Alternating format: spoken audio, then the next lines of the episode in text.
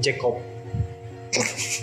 Welcome back Pak ke Ikopen Yo, episode yang keberapa ini? 27 27 ya. Sudah 27 episode yang nonton masih segini-segini aja segitu-segitu aja. Nggak apa-apa. nggak apa-apa masih menghargai aja sama yang mesti dengerin sampai sekarang Iya.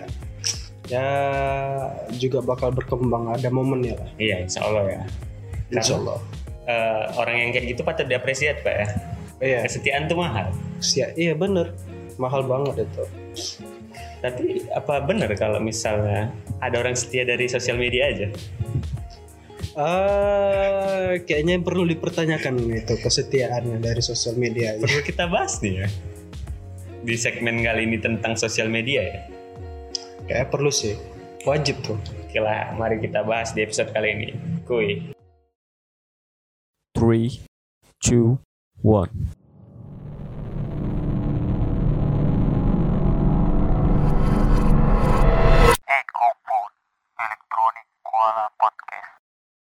Nah, kita masuk ke pembahasan nih, Pak.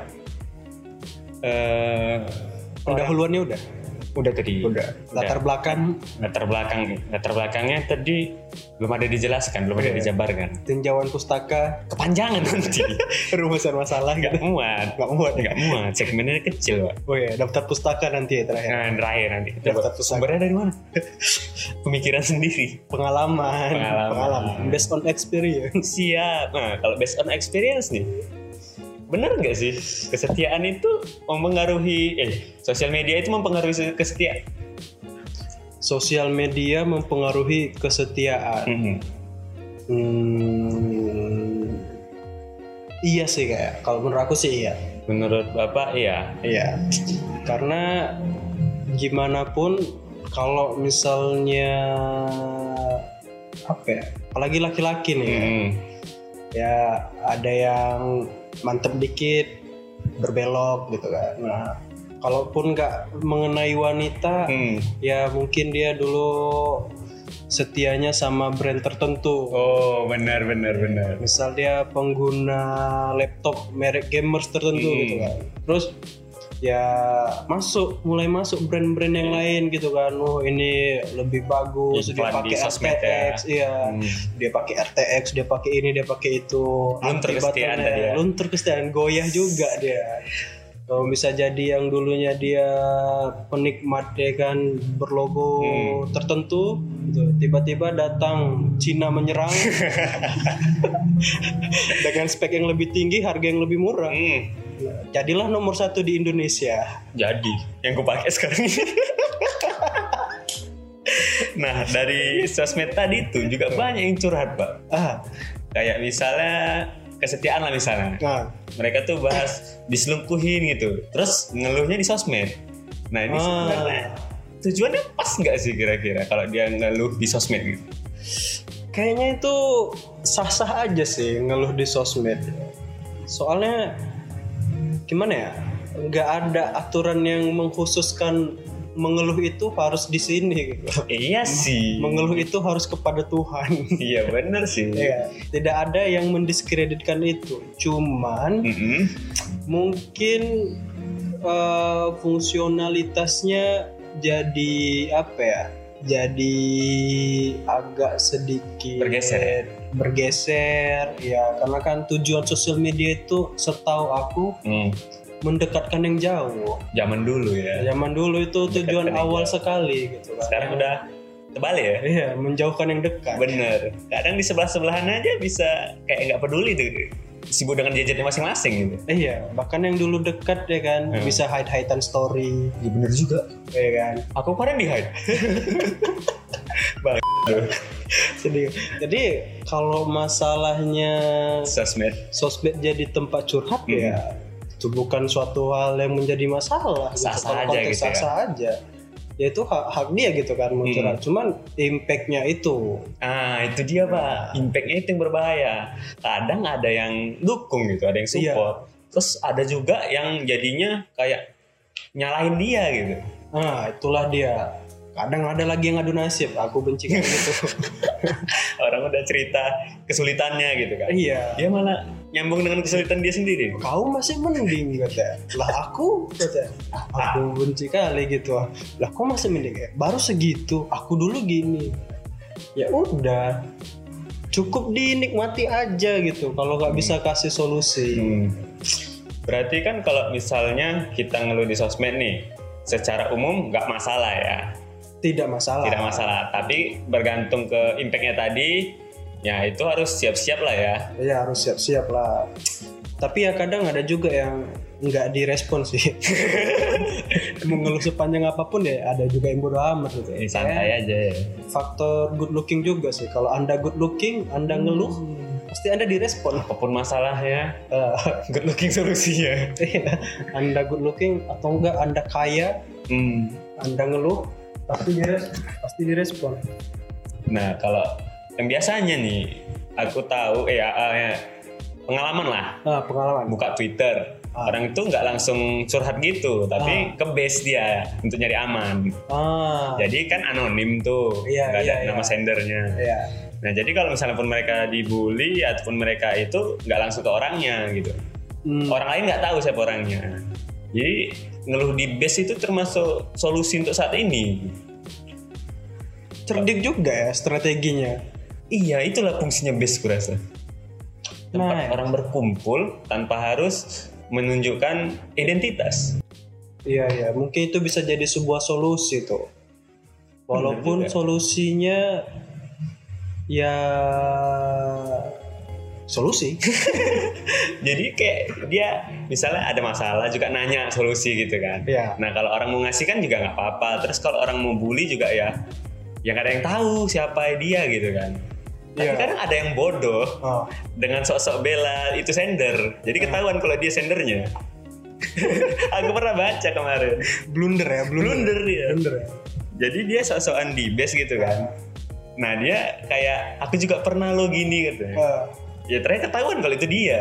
ketahuannya aku lupa eh, detailnya cuma Ah. akhirnya kayak ada balas-balasan tweet Ah. nah akhirnya ketahuan aduh mungkin dia nggak bisa menahan argumen dan emosi kali. iya kemarin aku juga ada pernah bahas sama temen aku nih ini permasalahan agak berat gitu Ah, bekas idola aku dulu ah, seseorang yang pernah aku idolakan dulu ah, dia melakukan kesalahan ah, dan itu gak sekali ah.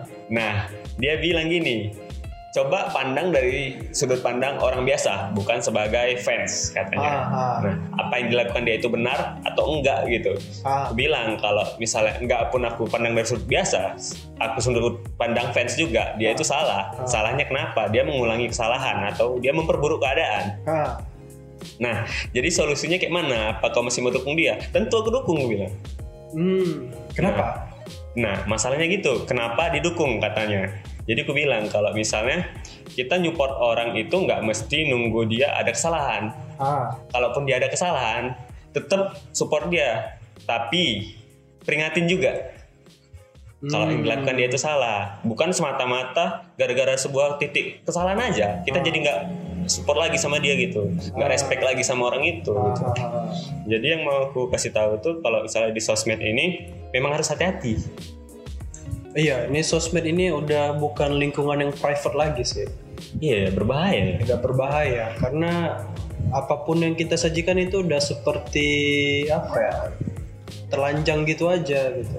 Jadi konsumsi orang-orang ya. Udah dikonsumsi orang-orang ya, kecuali private. soalnya. Ya private aja bisa bocor pak. Iya. Yang aku bilang ini kemarin dari private.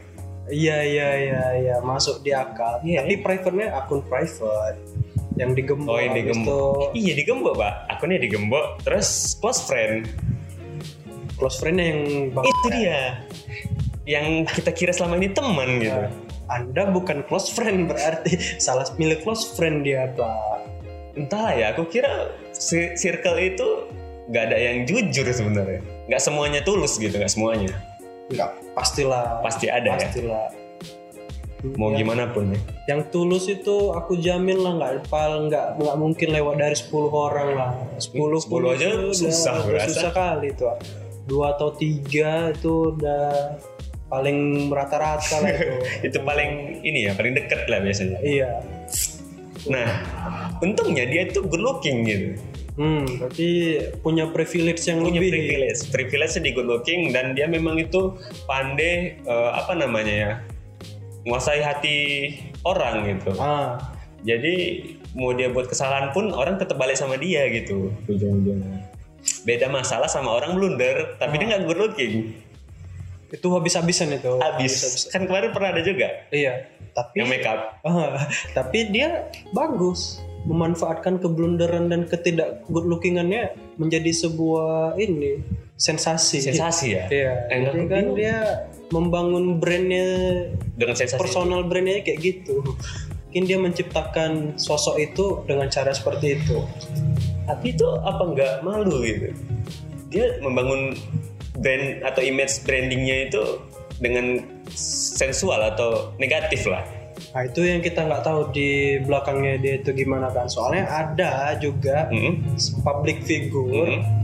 ya influencer lah dibilang gitu kan nah, ya dulunya itu yang zaman zamannya Yonglex Mm-mm. nah wanita ini memang diset sama bisa Manajemen. dibilang manajemennya gitu kan atau orang-orang yang di belakang layarnya itu ya seperti bad girl gitu Bad girl, ya. Iya, public enemy-nya gitu memang itu udah diset karakternya itu memang seperti itu oh berarti kan kalau image brandingnya nggak semata-mata dari kita sendiri nggak semata-mata mungkin ada kesepakatan dengan orang-orang tertentu gitu kan Oh, iya benar, jadi menciptakan karakter si inilah di masyarakat untuk menaikkan yang lain-lain tapi aku salut sih sama yang kayak gitu masih bisa bertahan gitu ya bisa dibilang mentalnya kuat iya mentalnya kuat Mentalnya dia itu nggak sekali dua kali dia kena hujan hujat gitu ya kan bahkan sampai diteror gitu ya iya masih aja dia berusaha untuk buat konten lagi, buat konten lagi. Hmm. Berarti kan dia memang ada usaha gitu. Orang dengan kesungguhan aja itu udah termasuk bagus gitu. ada juga yang nggak ini kan mentalnya nggak kuat begitu dihujat langsung balik ke asal gitu kan Ada, ada yang dihujat langsung eh, pulang. pulang baru sekali booming dipanggil di TV gitu kan blunder habis itu udah nyerah Balik lagi balik ya. lagi gitu kan Ada juga yang kayak eh, udah melakukan kesalahan, baikan, jadi Jadi kawan. kawan gitu Kontennya dari situ lagi. Nah, ada yang dramanya di setting untuk menaikkan Bener. ini Iya. gitu kan. Tapi eh, gimana nih? Aku ada pertanyaan satu kan. Ah. Kalau kita buat konten itu dia ada target pasarnya Hmm. atau ke umum gitu. Misalnya YouTube lah. kalau YouTube itu kayaknya apa ya eh aku kurang tahu detail ya cuman kalau untuk YouTube itu ada algoritmanya Ada ya. ada algoritmanya ya. Nah, jadi algoritmanya itulah yang menyusun konten kita itu sesuai dengan market yang mana. Kayaknya otomatis sih. Otomatis ya. Tanpa harus kita setting-setting kalau misalnya iklan kan beda lagi cerita gitu. Hmm. Kayaknya pada dasarnya kayak cara kerjanya gitu sih algoritmanya sama kayak yang Instagram juga gitu kan. Semua punya algoritma masing-masing gitu ya. Iya, cuman itu kita nggak bisa tebak cara kerjanya gimana. Kayak misalnya Instagram dan TikTok gitu. Nah, Hmm. Kalau TikTok itu cepet gitu kan, mau apapun tiba-tiba Bisa pasti aja satu ya? ada yang FYP gitu videonya. Bisa Bisa. Kalau Instagram kalau sekarang ya belum tentu agak sulit ya. sulit. Nah, kalau itu juga sama YouTube kontennya itu itu yang aku masih belum apakah lere- apa relevansinya itu berdasarkan hashtag Mhm. kah atau deskripsi gitu kan atau memang eh, dari habit masing-masing user merekomendasikan video Oh gitu iya iya iya iya. Eh, gitu Kalau misalnya pertanyaannya kita ganti jadi orang yang udah punya nama, ah orang yang udah cukup terkenal, nah, dia buat konten. Ah. Nah, itu khusus buat followernya atau ke semua orang. Ini udah punya nama ya. itu kayaknya khusus hmm, ke semua orang sih kayaknya Ke semua orang ya. ke semua orang tapi dengan ini yang apa ya eh, habitnya yang relate. Oh. Kalau aku sih jarang ada yang nggak nggak ada masuk lagi pun di beranda aku beranda YouTube aku tuh orang-orang yang terkenal buat-buat inilah story eh story apa sih namanya Eh, ngevlog gitu kan Hmm. ngevlog kehidupan dia prank Iya iya iya. beli Ferrari beli ini Berarti kan Tiger enggak enggak sih enggak masuk algoritmanya itu bakal berubah Ah. kalau misalnya kita nggak nggak ini lagi nggak nyaksikan itu lagi gitu atau Iya, nggak- kita nggak pernah. beralih gitu ya. gitu kayak aku belakangan lebih sering nonton One Piece nih Hmm. dari YouTube kan Muse, Hah? Muse Indonesia nggak? enggak enggak One Piece ya orang cuplikan-cuplikan gitu Oh cuplikan. Oh. jadi ya gitu banyak rekomendasi masuk di beranda aku tuh ya One Piece Hmm. sekarang kalau kemarin-kemarin itu podcast horor gitu kan Iya, iya. nah jadi banyak yang horor gitu jadi dia ad- dinamik sih kalau untuk apa ya kalau untuk rekomendasinya itu itu kayak sifatnya dinamik Hmm. dalam jangka waktu tertentu gitu soalnya waktu beralih dari horor ke yang lain Hmm. gitu kan podcast horor ke yang lain itu antara selang 2 3 hari aja aku rutin buka yang lain itu genrenya langsung berubah, Langsung atau berubah, ya. rekomendasinya langsung berubah gitu cuman ada beberapa yang tetap gitu kan Ya Yang- dikit lah ya. dikit yang tetap itu pun kebanyakan yang aku subscribe sih Oh karena di subscribe iya jadi bertahan ya. ya jadi bertahan ya walaupun jarang ku tonton tapi kalau di subscribe itu tetap masuk di beranda Oke oke aku sempat ini berdebat dengan teman yang gue bilang tadi ah, itu masalah itu tadi eh, dia buat konten tuh kan terus orang nggak bukan nggak suka memang dia salah gitu buat Iya. kontennya kayak gitu orang nggak suka nah dia tetap konten nah itu yang salah kita yang tetap lihat atau dia yang tetap berusaha buat konten yang salah walaupun udah dikasih tahu itu salah Sebenarnya gimana ya? Nggak ada yang salah sih kalau menurut aku karena dia cerdik melihat pasar. Itu kan memang apa ya? eh, pola pasar Strategi Indonesia, ya. iya, pola pasar Indonesia memang kayak gitu. Memang harus gitu. Iya, itu yang dia baca, itu yang dia lihat. Oh, pasar maunya seperti ini. Nah, masuklah orang-orang yang memang konsumsinya itu, yang mau mengkonsumsi itu, ya masuklah ke dalam itunya dia, kontennya dia gitu Hmm. ya nggak ada yang salah sih kalau memang orangnya itu sukanya hal-hal yang seperti itu ya udah itu ya hak dia juga mengkonsumsi konten yang seperti itu kan Hmm. nah cu- yang si penyedia konten pun kan dia cerdik gitu bisa melihat potensi pasar ini arahnya kemana apa yang harus dia ciptakan Hmm. kalau memang si audiensnya nggak suka itu ya udah audiensnya aja yang cabut Ah, ini kalau dari sudut pandang eh, apa ya bisnis kali ya kepentingan ya iya kalau misalnya dari sudut pandang ya orang tua kan banyak yang bilang udah masa ditonton gitu. Ah. Ya terakhir orang tua ikut emosi gara-gara dia tebar kayak gitu. Aku suka bingung gitu kayak gitu. Jadi aku bela yang mana nih? bela yang nonton atau bela si isi apa tadi kon pembuat kontennya konten itu. konten kreatornya Jadi aku bingung gitu. Serba salah mau didukung nanti ya dia memang salah, nah. tapi dia cerdik sedangkan yang nonton ini ya gak usah ditonton nggak masalah gitu kan Ah. tapi se- satu sisi dia ngajari yang salah gitu jadi aku agak-agak bingung gitu nontonnya jangan di depan orang tua itu yang betul ah bener juga sih tapi percaya nggak sama yang namanya hukuman sosial percaya percaya ya percaya itu lebih kejam itu wajib ada itu ya Iya. itu lebih kejam itu Kayak itu sih yang paling berat sih 11 12 sama hukum rimba tuh kan iya ya Kayak sosial itu kita nggak tahu dia siapa suka-suka dia sekarang memenghakimi gitu kan iya bener juga sih nggak ada aturannya nggak ada prosedurnya anda siapa bisa menghakimi gitu kan iya juga ya Nah, itu ganas itu ah. oke lah mungkin eh, ada nggak nih pendapat-pendapat dari listener tentang hukuman sosial ya Iya, hukuman tentang sosial. hukuman sosial ini kayak mana nih sebenarnya itu perlu nggak untuk instro in apa Influencer. bukan introspeksi untuk Introspeksi, ya. introspeksi diri atau itu terlalu kejam gitu sebenarnya itu fungsionalitasnya lebih kemana untuk introspeksi atau kekejaman itu sendiri supaya orang jerah berlebihan berarti ya? Berlebihan. Ah, brutal, brutal, Brutality. bahaya memang Bahaya tuh. Kalau masih dalam batas wajar ya Coba bisa lah ditoleransi ya kan. Hmm, bener-bener. Ya, kalau kalau udah hu- kalau udah sanksinya menghujat Hmm. somasi gitu kan sampai didatangi kayak kayak komika yang blunder di waktu itu gitu kan ya satu sisi kasihan juga Iya sih. orangnya Tapi berlebihan, Mbak. tapi berlebihan Ya dia pun buat konten tuh nggak kayak ngasal. iya Yang penting diterima orang gitu. Tapi dia nggak tahu itu diterima baik atau buruk. ya da- kayaknya ini sih kapasitas use apa audiens untuk Audiens, mencerna ya. konten Nah, itu dia. nah itu yang masih kurang gitu Netizen darurat ini edukasi. Iya, jadi gimana ya? Apa yang disajikan mentah-mentah itu yang dicerna gitu. Bener, makanya suka nonton sampai habis gitu. Ah. Apalagi ada yang provokator ya kan. Iya, Ini iya. udah panas untuk supaya Panas-panasin, panas-panasin buzzer. lagi, gitu. Dibayar itu. iya, kayaknya sih gitu. Enggak tahu lah ya.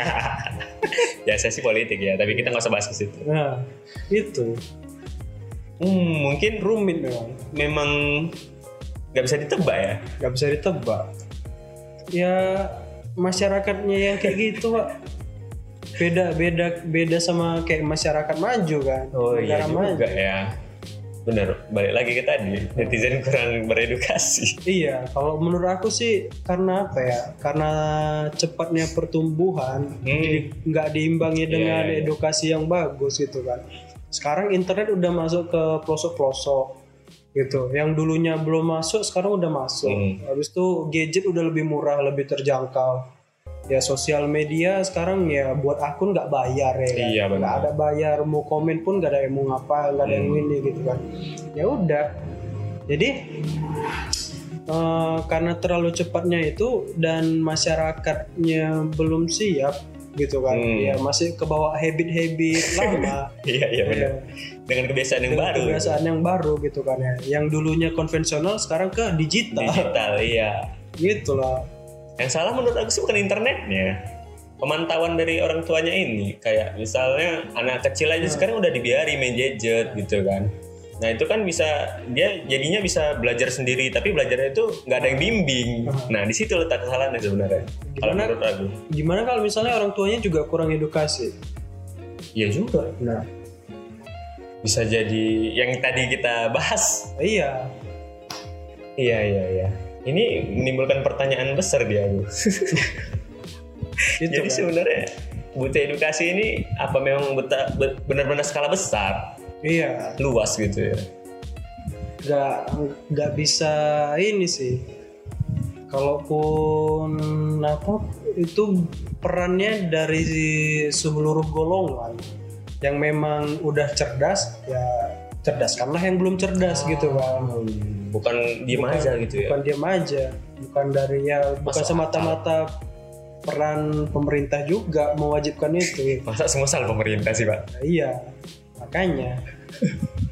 Jadi kan yang memang pikirannya udah open minded, ya di open minded karena yang masih close minded gitu. Iya iya benar. Intinya menurut aku kita belum siap.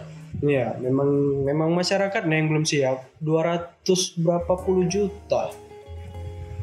Dan itu Hmm. nggak bisa di kayak misalnya dari kota ke desa aja udah beda-beda ya. Iya, Mindsetnya aja juga udah beda. habitnya beda Hmm. gitu kan. Tapi kalau mas misalnya pemerataan teknologi gitu, Pemerataan teknologi. Pemerataan teknologi kalau nggak diimbangi dengan edukasi sama aja, Pak. sama aja ya. Sama aja. Hmm, bener-bener. Iya. Jaringan itu kan teknologi juga. Sekarang kuota udah lebih murah. 4G udah di mana-mana masuk Hmm. ke pelosok-pelosok. Berarti kan eh, apa namanya? Memang ada harus eh, apa namanya di keterlibatan dari pemerintah sih kalau mas- misalnya itu karena Nah, dengan adanya teknologi masuk ke satu desa aja itu kan udah udah perlu izin pemerintah juga kan. Iya. Berarti kan perlu ada edukasi sebelum jaringan itu masuk gitu. Teknologi itu masuk. Memang se- sedikit-dikitnya pun harus ada peran dari pemerintah itu sendiri. tapi edu edukasinya gimana ya? Kalau misalnya kalau misalnya eh kami mau bangun jaringan nih di tempat kalian. Hmm. Fungsinya untuk apa? Kalian buka sosmed ini aja ya gitu. Iya nggak? Jangan termakan ini gitu ya. Kayak gimana? Gimana cara edukasinya? Hmm, ini juga ya. Ah, Edukasi yang kayak mana ini? edukasi yang gimana? kayaknya bisa dimanfaatkan melalui televisi Hmm. karena kan kalau orang yang pelosok-pelosok mungkin masih sering nonton televisi Iya, iya, iya. gitu kan Masih banyak, udah banyak sih sekarang iklan-iklan edukasi di TV gitu, nggak cuma di radio. Ah. Kalau biasa kan di radio Radio, kita dengar kan. iya. Iklan layanan masyarakat Dari ini. masyarakat gitu kan gimana cara memilah konten yang hoax gitu Hmm, bener-bener. mana yang enggak gitu kan ya habis itu ya kalau misalnya menemukan ini ini ini apa yang harus dilakukan Oke lah, mungkin kita batasi aja ya pembahasan Ah. kali ini ya, karena udah terlalu jauh ini kayaknya. jauh banget kayak Oke lah, makasih yang udah ngedengerin juga maaf apabila kita ada salah persepsi nih. iya ini opini kita Nah, ini opini kita sekali lagi kita tekankan ini opini kita, bukan maksudnya menggiring opini ke kalian gitu. ya, ya kalau misalnya setuju ya boleh gitu kan ya kalau nggak setuju ya kalau mau diskusi ya Boleh. boleh aja Boleh diskusi. ya. Nggak- nggak dilarang gitu Hmm. kan nah namanya kan kita punya opini masing-masing gitu Bener bener bener. ya nggak ada diskredit ke siapa-siapa gitu Oke lah, sekali lagi makasih buat yang udah dengerin, pantengin terus podcast kita ya, Pak ya. yuk mungkin next time kita bakal bahas yang lebih menarik lagi atau bola yang kemarin mau kita lanjut boleh boleh boleh. kita pindah ke seri A ya. Serie A, La Liga gitu kan Oke lah. Bye pips. ciao